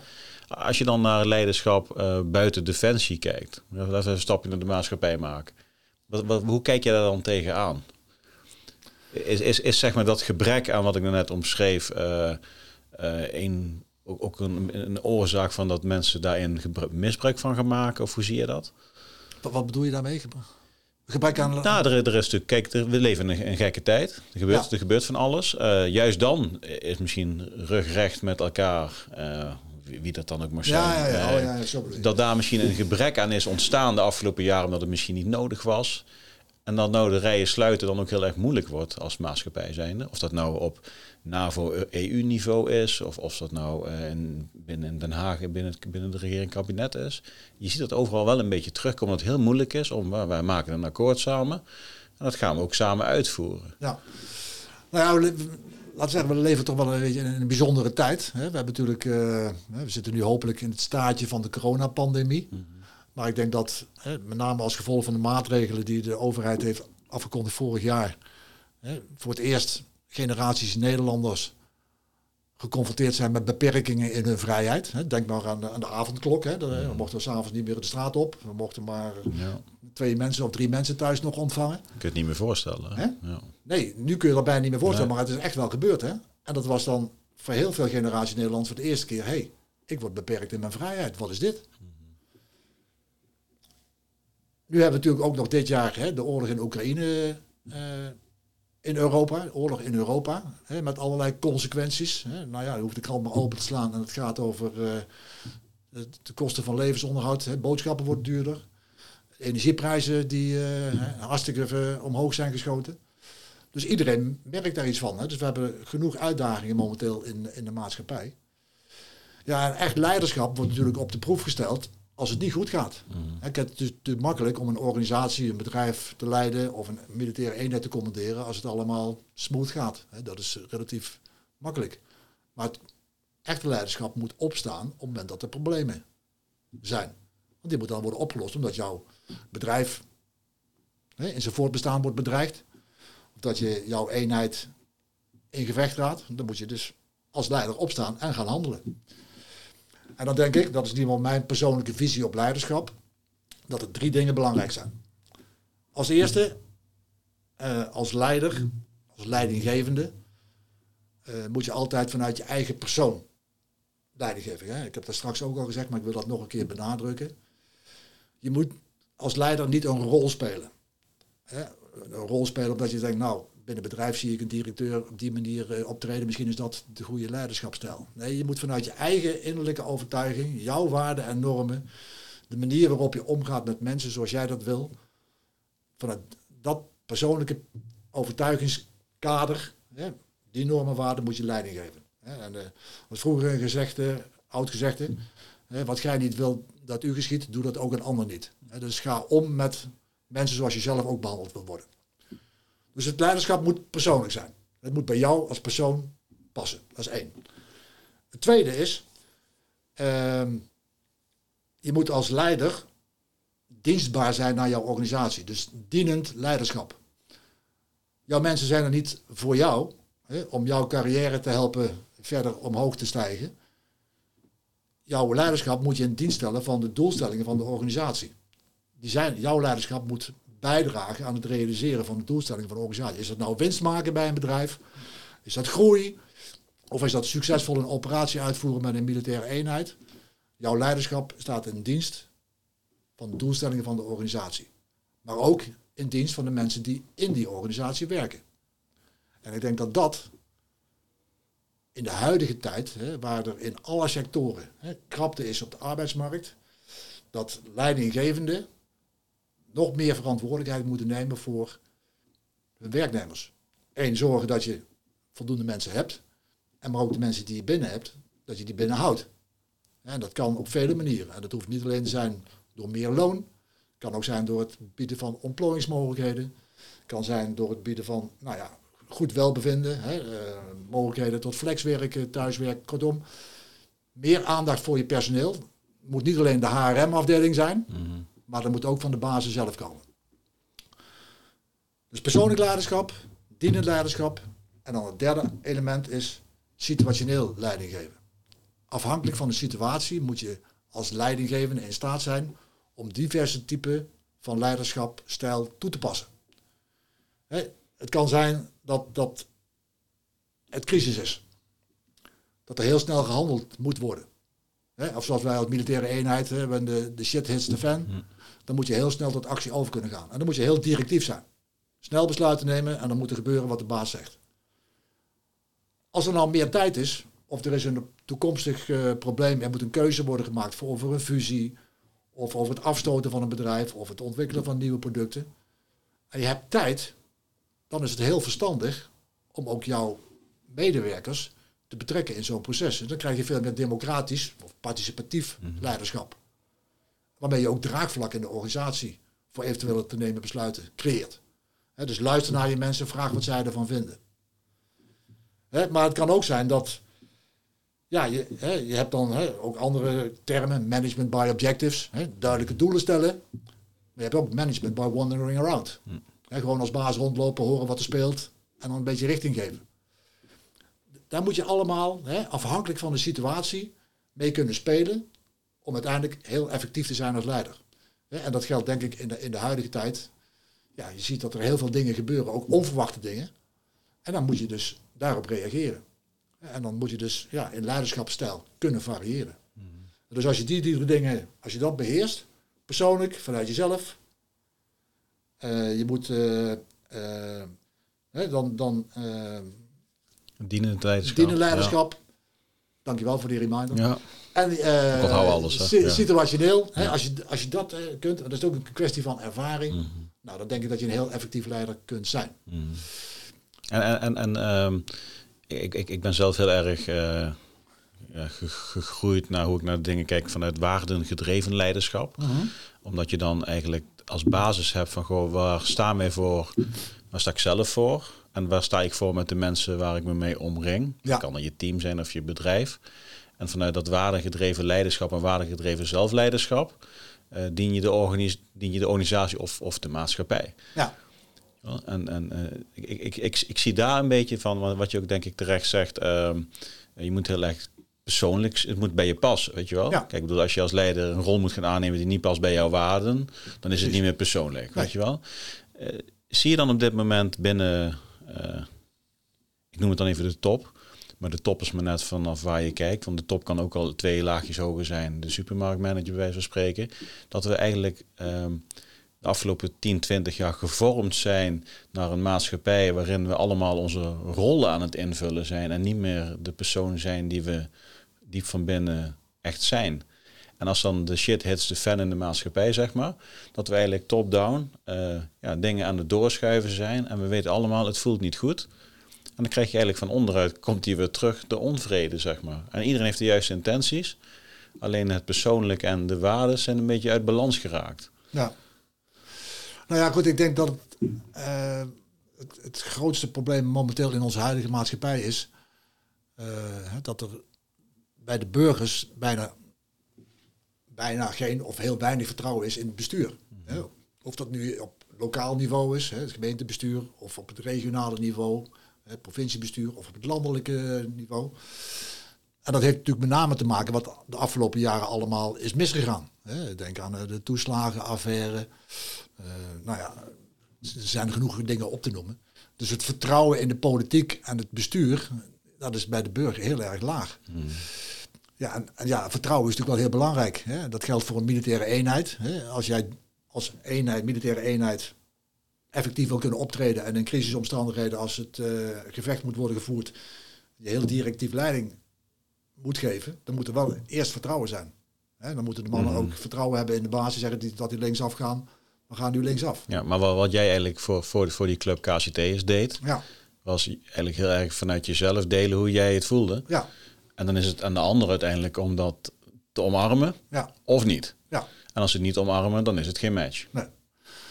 Nee, maar ik, zeg ook, hè, dat is uh, ook, ook hoe je met je mensen omgaat. Hè, dat, sommige mensen zeggen ook wel, het is hard met een D, maar ook soms hard met een T. Af en toe moet je harde besluiten kunnen en durven nemen. Uh, die misschien ook niet altijd even goed uh, vallen, maar die zal noodzakelijk zijn voor de eenheid op dat moment of voor het voortbestaan van je bedrijf. Maar je moet ook, als het nodig is, hard hebben met een T voor je personeel. En, en, daar moet je natuurlijk. Uh... Zou je het niet andersom doen? Dat je in eerste instantie altijd hard hebt voor je personeel, waardoor je ook hard kunt zijn met een D? Nee, maar dat, die volgorde kan zo zijn. Want hè, als, je natuurlijk, als jouw personeel voelt dat jij hard voor hen hebt. Dan mag je hard zijn als het nodig is. Dan mag je ook hard zijn en dan accepteren ze het ook als dat is. Maar dan heb je dat vertrouwen opgebouwd. en dat moet je natuurlijk, die credits moet je natuurlijk wel zelf verdienen. Mhm. En eh, dat is de, natuurlijk wel de, de, de crux. En dan, mensen hebben het ook vaak over wat was nou het verschil tussen een manager en een leider. Hè?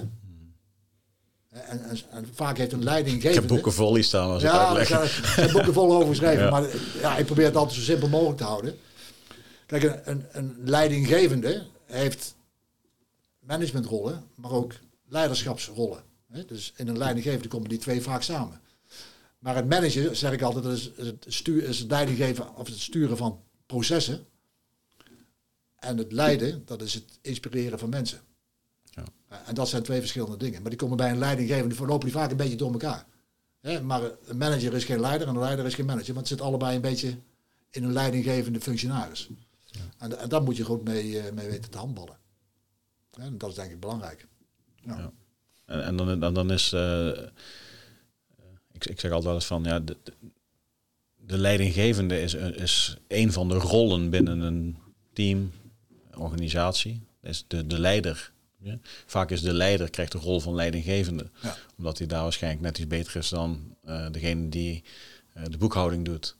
Maar ook die leider, die managt zijn werkzaamheden. Ja. Zoals die boekhouder ook zijn werkzaamheden managt. Dus we zijn eigenlijk allemaal manager van onze eigen taken. Alleen de rol van leidinggevende is vanuit zijn persoonlijke ja, kwaliteiten, competenties, hoe je het ook wil noemen, pakt hij vaak de leidinggevende rol. En is hij dus de leider. Ja. Goed, dan heb je ook weer de, de bekende discussie over de formele leider en de informele leider. Hè? Hè, dus eh, teamprocessen zijn vaak heel Ja, complex. Hè, want iemand kan wel de formele leider zijn omdat hij die basis van dat clubje, of de teamleider. En soms moet iemand anders even de leider, de rol pakken. Ja, Hè, en, maar vaak heb je misschien een, een, een krachtige persoonlijkheid in jouw team, die op een bepaald deelaspect heel te zakenkundig is, die, hè, wat ook een beetje informeel de leider is. Mhm. Hè, als de baas niet is, of eh, nou ja, die kun je natuurlijk ook gebruiken. Dus hè, zet de mensen in hun kracht. Hè. Ja. En dat is natuurlijk ook een van de belangrijke dingen, denk ik, voor een leidinggevende. Ken je mensen, weet waar ze goed in zijn, weet waar ze niet goed in zijn, en probeer ze in hun kracht in te zetten. Ja. Ja, dan haal je het meeste, meeste eruit. Ja. Je, je je hebt ook kleinkinderen ondertussen. Ja, Klopt hè? ja, ja. Bij opa. Ja, maar dat, ja, ja. Ik zat vanochtend op de fiets te denken, even over dit gesprek na te denken. Ik dacht van, goh, wel, ehm, ja, het kan zo, mijn, zo, mijn oudste zoontje is, is gisteren elf geworden, of eergisteren. Dus het kan zomaar zijn dat ik over tien jaar opa ben. Ja, Dat kan zomaar, hè? ja. Hoe voelt dat? Is dat echt een nieuwe fase in je leven ja dat dan? is zeker zo. Ja? Ja, ja, dat is zeker zo. En eh, nou ja, in de tijd dat eh, ik, bij- ik zelf eh, een dochter en een zoon kreeg, dus was je natuurlijk volop met je, met je werk bezig. Hè? En in die tijd werd de keuze gemaakt. Nou, pa die gaat werken en moeder is thuis hè, bij de kindjes. Mhm. Maar ik heb nu de tijd en de gelegenheid om dingen te doen met mijn kleinkinderen, waar ik met mijn eigen kinderen te weinig tijd voor heb gehad of heb gemaakt. Het is ook een keuze natuurlijk. Ja, daar geniet ik enorm van. Als ik eh, die twee kleintjes, ik pas één dag in de week eh, pas ik op bij mijn dochter in Uden. En dan, eh, momenteel gaat mijn eh, kleindochter, Dieke, die gaat al naar groep 1. Hè, dus die breng ik dan s'morgens naar school. Ja. En dan heb ik tot een half drie heb ik de tijd met mijn kleinzoon, die is ruim twee. Ja, dat is natuurlijk fantastisch om te kunnen doen. Ja. En, en, en de jongste die gaat dan volgend jaar al naar de peuterschool? Of Nou, zo? dit, nee, dit is nu 2,5, hè, dus Ja. dat duurt nog even. Dus, Ja, dus even Ja. genieten.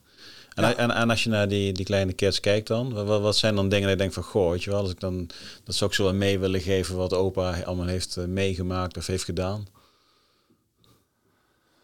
Oh ja, nou ja, ik zeg, daar heb ik nog niet over nagedacht. Ik, eh, ik ben nu gewoon opa en Ja. eh, ben wie ik ben. En dus eh, voor mij is het niet zo dat, eh, dat ze moeten weten van, eh, nou ja, mijn opa is generaal geweest en die heeft dit en dit gedaan. Nee, niet, niet zozeer dat, hè? Nee, Nee. mi- mi- misschien juist niet, hè? Wie weet. Nee, maar gewoon, kijk, ja, ja, ik kan me voorstellen dat je, ja, praat puur vanuit mezelf, dat ik van, goh, ja, dit, dit is ook wel dat met die kids, weet je wel, is, of ze ook iets moois vinden als ze dat laten meenemen in de dingen die ze zelf gaan doen in het leven.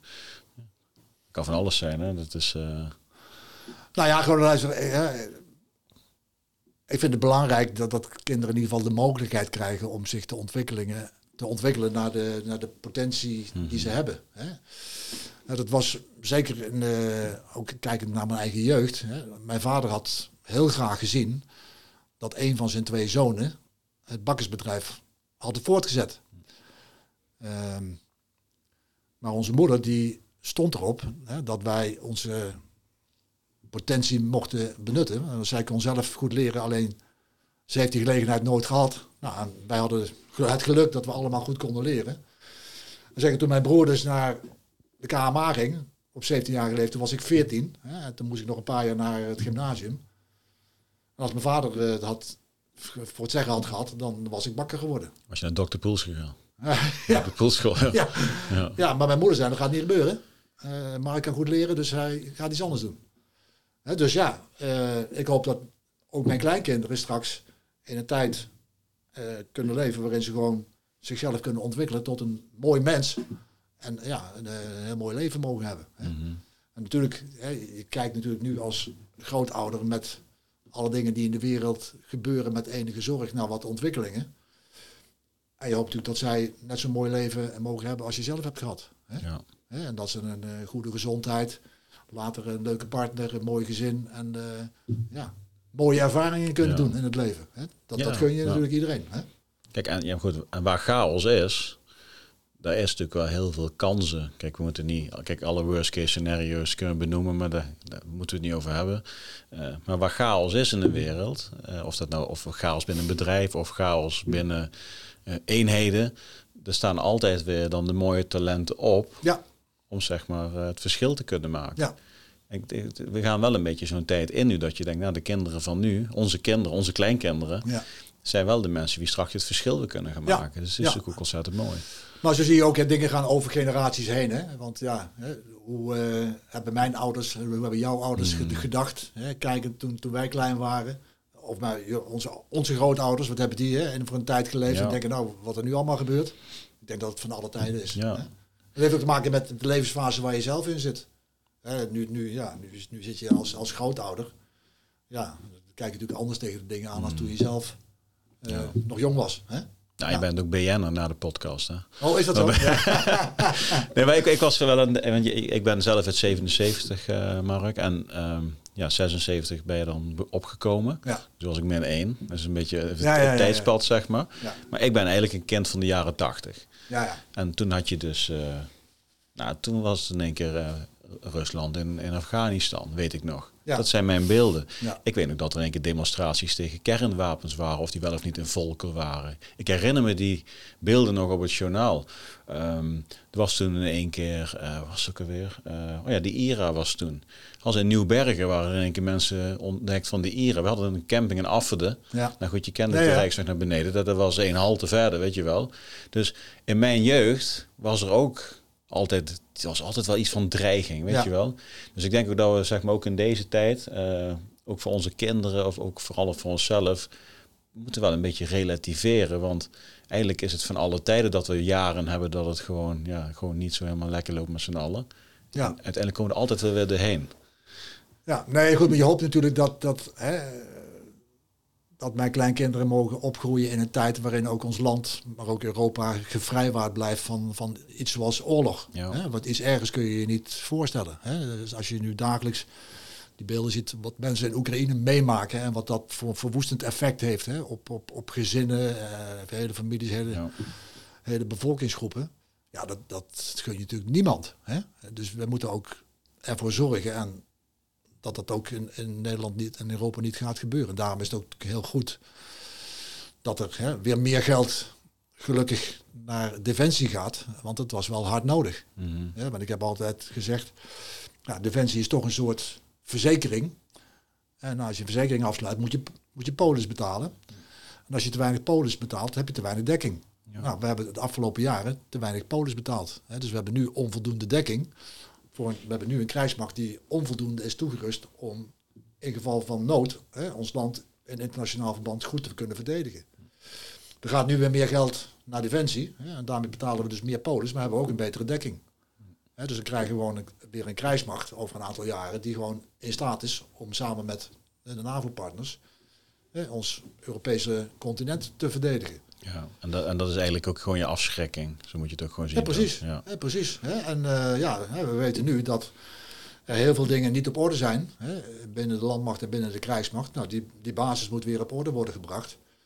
En tegelijkertijd hè, moet er weer nog meer worden geïnvesteerd om de krijgsmacht te vernieuwen. En ook de landmacht te vernieuwen. Hè? Dat, dat lees je ook in de krant. Hè? Er worden nu weer raketsystemen eh, aangekocht voor langere afstand voor de landmacht. Nou ja, prima. Dus de landmacht wordt beter toegerust om in de toekomst, eh, als het nodig is, eh, ons land te verdedigen. en dat is, ja, dat is, dat is op zich wel weer een positief effect. Ja. en dat maakt ook dat het, zeg maar, voor de militairen die nu dienen, dat ze zien, oké, okay, de tijd van bezuinigen is voorbij. Er wordt nu weer geïnvesteerd. En ook weer betere arbeidsvoorwaarden. Dus ik denk dat dat allemaal wel weer positieve effecten zijn van wat er voor een ellende is in de wereld. Ja, het had niet hoeven gebeuren. Nee. Nee, het had niet gehoeven. En ik, ik, ik kan nog herinneren toen ik ehm, voor uh, ja, dat uitje wat we hebben gehad natuurlijk. Toen had ik met Peter uh, even contact. Ja. Ik zei, hoe gaat het? dat was natuurlijk in maart was natuurlijk de invasie, februari, maart. Februari is ja. En wij zijn natuurlijk in mei zijn wij naar Nijmegen geweest. Ja. Ik zeg, hoe gaat het? Hij, zegt met mij goed, maar sinds we met leger zijn is het één grote bende in de wereld. Ja, ja, ja, ja, nou ja. Nou ja, nee, goed. Hè, Hoe kijken jullie ernaar? Je bent natuurlijk BD, je, hebt, je, je kent veel mensen die daar nu bij betrokken zijn, keuzes maken. Uh, hoe voelt dat vanaf de zijlijn en daarna te kijken? Uh, ja, ik volg het natuurlijk wel hè, met, met uh, meer dan gemiddelde belangstelling, laat ik het zo maar zeggen. Ja, je maakt je natuurlijk wel zorgen van je, hoe gaat dit nou verder? Hè? we hebben natuurlijk in februari is Rusland de Oekraïne binnengevallen. We hebben natuurlijk nu gezien dat na een aantal maanden dat het leek het zich eerst een beetje te stabiliseren, hè, waarbij Rusland hè, dan de, zuidoostrand van Oekraïne die vier regio's hè, en de aansluiting naar de Krim in handen had. Ja, nu is de Oekraïne de tegenaanval uh, begonnen en wordt er langzamerhand weer het terrein teruggewonnen. Maar de vraag is natuurlijk, hoe gaat dit nou verder? Hè? Hoe gaat dit conflict zich verder ontwikkelen? Dat is er even lastig om dat te voorspellen, denk ik. Uh, er wordt natuurlijk veel gesproken over het feit, ja, als Rusland nu weer terrein gaat verliezen in die regio's die ze inmiddels hè, tot het Russisch grondgebied hebben hmm. verklaard, hè, illegaal. Ja, eh, wat zijn dan de opties voor Poetin? En ja, veel mensen maken zich natuurlijk zorgen over, hè, gaat hij ooit een keer op die uh, kernknop drukken? Uh, dat blijft ongewis. Dus die, die, discussies komen wel weer terug. En dat, ja, dat zorgt natuurlijk voor veel onzekerheid. ja, en onzekerheid is altijd iets waar mensen moeilijk mee kunnen omgaan. Ja ja, we gaan natuurlijk richting de winter. We proberen beide partijen een zo goed mogelijke positie te krijgen, zodat je in de winter een soort frozen, letterlijk en figuurlijk frozen conflict krijgt. Of gaan ze ook in de winter juist die omstandigheden uitbuiten, de Oekraïners, om nog meer terrein te winnen.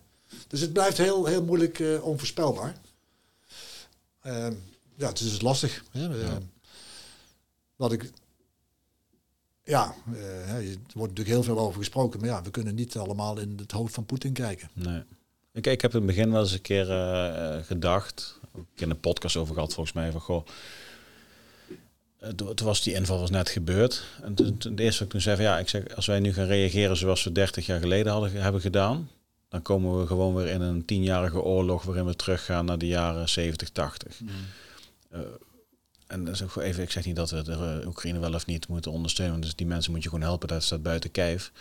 Maar je gaat nu een soort van escalerende trap in met z'n allen. Dat, is, dat, dat, dat, zag ik echt een beetje in februari, maart al wel. Waar eindigt dat? Want uiteindelijk eh, gaat er daar gevochten worden. Uiteindelijk staan we tegenover elkaar. Uiteindelijk gaat er gigantisch veel geld naartoe. Um, had je niet uh, totaal anders moeten reageren op het geweld? Ja? En ik weet ook niet hoe of wat, maar we zitten weer in een spiraal. We gaan weer terug naar een ijzeren gordijn. Er is weer een koude oorlog. Over 30 jaar gaan we, komt er weer een type Gorbachev voorbij en dan komen we er weer uit. Hmm. Kijk, je zult een keer uit die spiraal moeten komen met z'n allen. En dan moet je door die zure appel heen bijten. En of dat, hoe dat eruit ziet, ja, dat vind ik een beetje moeilijk. Want ja, je wil niet zeggen van, nou, misschien hadden we niet moeten ingrijpen. Want natuurlijk grijp je en je ziet wat er gebeurt. Dan moet je een soort van anticyclisch leiderschap, weet je wel. Poetin verwacht misschien dat we nu meegenomen, maar we moeten het niet doen, weet je wel. We, wij doen dit niet meer. We gaan, niet meer, we gaan niet meer terug naar de tijd dat we lopen knokken met elkaar hier in Europa. En als jij dat dan wil doen, prima, maar dit zijn de consequenties. Dan geef je natuurlijk wel een stukje mensheid op. Ja, dat, vind ik, dat is ook heel lastig. Moeilijke discussie natuurlijk. Ja. En dus achteraf is makkelijk praten. Uh, maar je zit wel in een spiraal nu. We zitten zelf ook een beetje in een fuik nu. Ja, maar goed, het is natuurlijk vaker het geval dat je natuurlijk als leider of als politiek leider Mhm. of als internationale gemeenschap met een dilemma wordt geconfronteerd. Wat als ik ingrijp en wat als ik niet ingrijp? Mhm. Nou ja, ingrijpen is misschien nu niet het juiste woord, maar we hebben natuurlijk als westerse alliantie, laat ik het zo maar zeggen, hè, NAVO, Europese Unie, eh, niet ingegrepen. Hè, want ja, dan, dan, dan zou de NAVO betrokken raken. Ja. Maar we hebben natuurlijk wel gereageerd. Hè, door met name op nationale basis, ieder land voor zich, de Oekraïne te steunen. Hè, financieel, economisch, eh, met eh, militaire middelen. Maar de Oekraïners moeten uiteindelijk het gevecht zelf voeren tegen de Russen. En ja, er is natuurlijk altijd kans op escalatie. Hè. De escalatie kan zich in meerdere dimensies voordoen. Hè. Het kan escaleren doordat het conflict overwaait naar een ander land. Hè, dat andere landen betrokken raken. Dus het kan geografisch escaleren. Het kan escaleren qua middelen. Hè. Je kunt natuurlijk, als Poetin in de hoek wordt gedreven, nou een kat in het nauw maakt rare sprongen. Kan die overgaan tot inzetten van biologische wapens, eh, chemische wapens, misschien kernwapens. Hè, dus dan escaleert het in, in dat opzicht. Ja, dat, dat is heel moeilijk voorspellen. En ja, dan zijn natuurlijk heel veel scenario's die je kunt bedenken. Mhm. Maar er moet uiteindelijk wel een keuze worden gemaakt van doen we iets of doen we niks. Nou, tot nu toe is de keuze gemaakt, we gaan op nationale basis steunen. Mhm. Maar de Oekraïne moet het zelf doen. Ja, maar ver- verbaal is, dat vind ik dat niet zo. Ik vind dat we verbaal, zeg maar, vanuit de leiders eh, eh, wel de oorlog zijn aangegaan. En dan hebben we het even terug naar de, de, de rollen. Nee, natuurlijk, maar iedereen heeft natuurlijk wel veroordeeld hè, dat Rusland Oekraïne. Ja, voor veroordelen is één, maar ook gewoon echt gewoon. Ik, ik vind dat we wel vrij snel gingen oorlogstaal uit, uit Ja. spreken, zeg maar. Dan moet, iedereen zelf weten. Maar even terug naar de rollen, zeg maar, waar je het over had in het begin. Ja. Eh, ik vind dat onze leiders nu een rol aannemen die dus niet bij ze past. Dus het zit niet in ze, weet je. Zo- Zo'n zo'n zo'n leiders hebben wij op dit moment niet. Dat, voor mij voelt dat niet helemaal synchroon van... Goh, jij, wat, wat jij zegt, of, of ze of hij... eh, past niet bij de persoon die je bent. Dus het voelt voor mij niet authentiek. En je zult uiteindelijk ook een bevolking in de maatschappij mee moeten krijgen... wil je dus, zeg maar, dat gaan ja. doen. En dat vind ik op dit moment een beetje tricky. Want we zijn een soort van spel aan het spelen... wat niet echt ons spel is. Ja. En we proberen de spelregels te leren kennen... eh, terwijl Ja, we aan, aan het knokken zijn. Ja. Snap je wat ik bedoel? ja, nee, maar goed, we, sinds de Tweede Wereldoorlog, dus is al eh, heel lang geleden. Ja. hè, Gelukkig, Ja. gelukkig wel. Ja. Eh, Zijn wij als land natuurlijk niet meer in oorlog geweest. Hè, En ja, dus we hebben ook geen leiders die in zo'n situatie hebben moeten handelen. Nee. Ja, en wij zijn van huis uit ook niet, denk ik, als Nederlanders, een, een, zeg maar een, echt een, een, een oorlogvoerende natie, laat ik het zo maar zeggen, in de laatste decennia. Vroeger met Spanje, maar daarna... ja, eh, nee, nee, dat is al een tijd geleden. Ja. Dus ja, dat zit ook niet zo in ons DNA. Hè. De, de, ja, nou, de Nederlander is natuurlijk eh, de dominee en de koopman. We hebben natuurlijk op, altijd op andere manieren eh, geprobeerd zeg maar, ons nationale belang eh, zeker Ja. te stellen. En niet door, door te vechten. Mensen in de laatste tijden Mhm. natuurlijk. Dus ja, dat is lastig, denk ik. Het is heel, heel moeilijk om te kijken wat dat... wat er nou de beste handelwijze is. ja, Dus er is veel wijsheid nodig. veel wijsheid nodig. nou, Ja, daar gaan we afronden, Mark. ja. Ja, heb jij nog plannen om een boek te schrijven? Is, Nee. is er niet aan jou... eh, Nee. Nee, daar heb ik geen... eh, Nee. nee. nee. En eventueel samen een keer met Peter iets doen?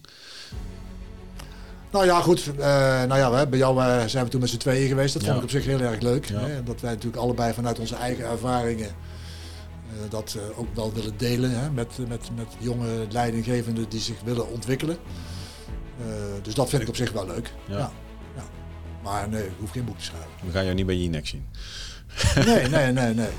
Nee, nee je, je ziet dat er nou, een aantal mensen die, eh, die dat nu doen. Hè? Dat zijn Mhm. oud-collega's, nou ja, Peter, Marten Kruijf, Tom Middendorp. Ja. Ja, dat zijn natuurlijk mensen die vanuit hun ervaring, denk ik, op een hele goede manier ontwikkelingen in de wereld kunnen duiden. Zeker als het eh, conflicten betreft. Maar eh, daar- hoef ik niet bij te zitten. Ja, we hebben een mooie podcast opgenomen. Ja, we- vond het leuk om te doen. Veel besproken. Ik vind vooral echt de, de verhalen van de commandanten als bij Luchtmobiel, bij KCT, bij de S4 en ook jullie achtergrond. Echt een heel, heel mooi verhaal. Ik heb, mooi, eh, ik heb natuurlijk Peter ook hier gehad. Ja, Het is mooi om ze naast elkaar te leggen. De verschillen ook die je ervaren Ja. hebt, maar ook de overeenkomsten, zeg maar. Eh, dankjewel voor komst. graag gedaan. En dan komt het gesprek met Mark van UM alweer ten einde. Ik denk dat we ontzettend interessante dingen besproken hebben. Enerzijds de maatschappij en leiderschap en de verschillende rollen die we met z'n allen spelen, maar ook mooie anekdotes uit zijn commandantentijd bij de landmacht. Samen met zijn broer Peter, hoe ze samen zijn opgegroeid, hoe ze naar school dingen hebben beleefd. Natuurlijk het overlijden van Dennis, hoe ze dat samen hebben gedaan. En ik denk dat het een hele mooie uitzending is geworden. Ik wil jou bedanken voor het kijken, ik wil jou bedanken voor het luisteren. Like deze video, subscribe je op een van onze kanalen. Dat kan zoals Spotify, Apple Podcast, YouTube of een ander uh, podcastkanaal. En ik wil uh, Mark bedanken voor het komen naar de studio inhalen. Dank voor het kijken weer en dan zeg ik uh, einde bericht.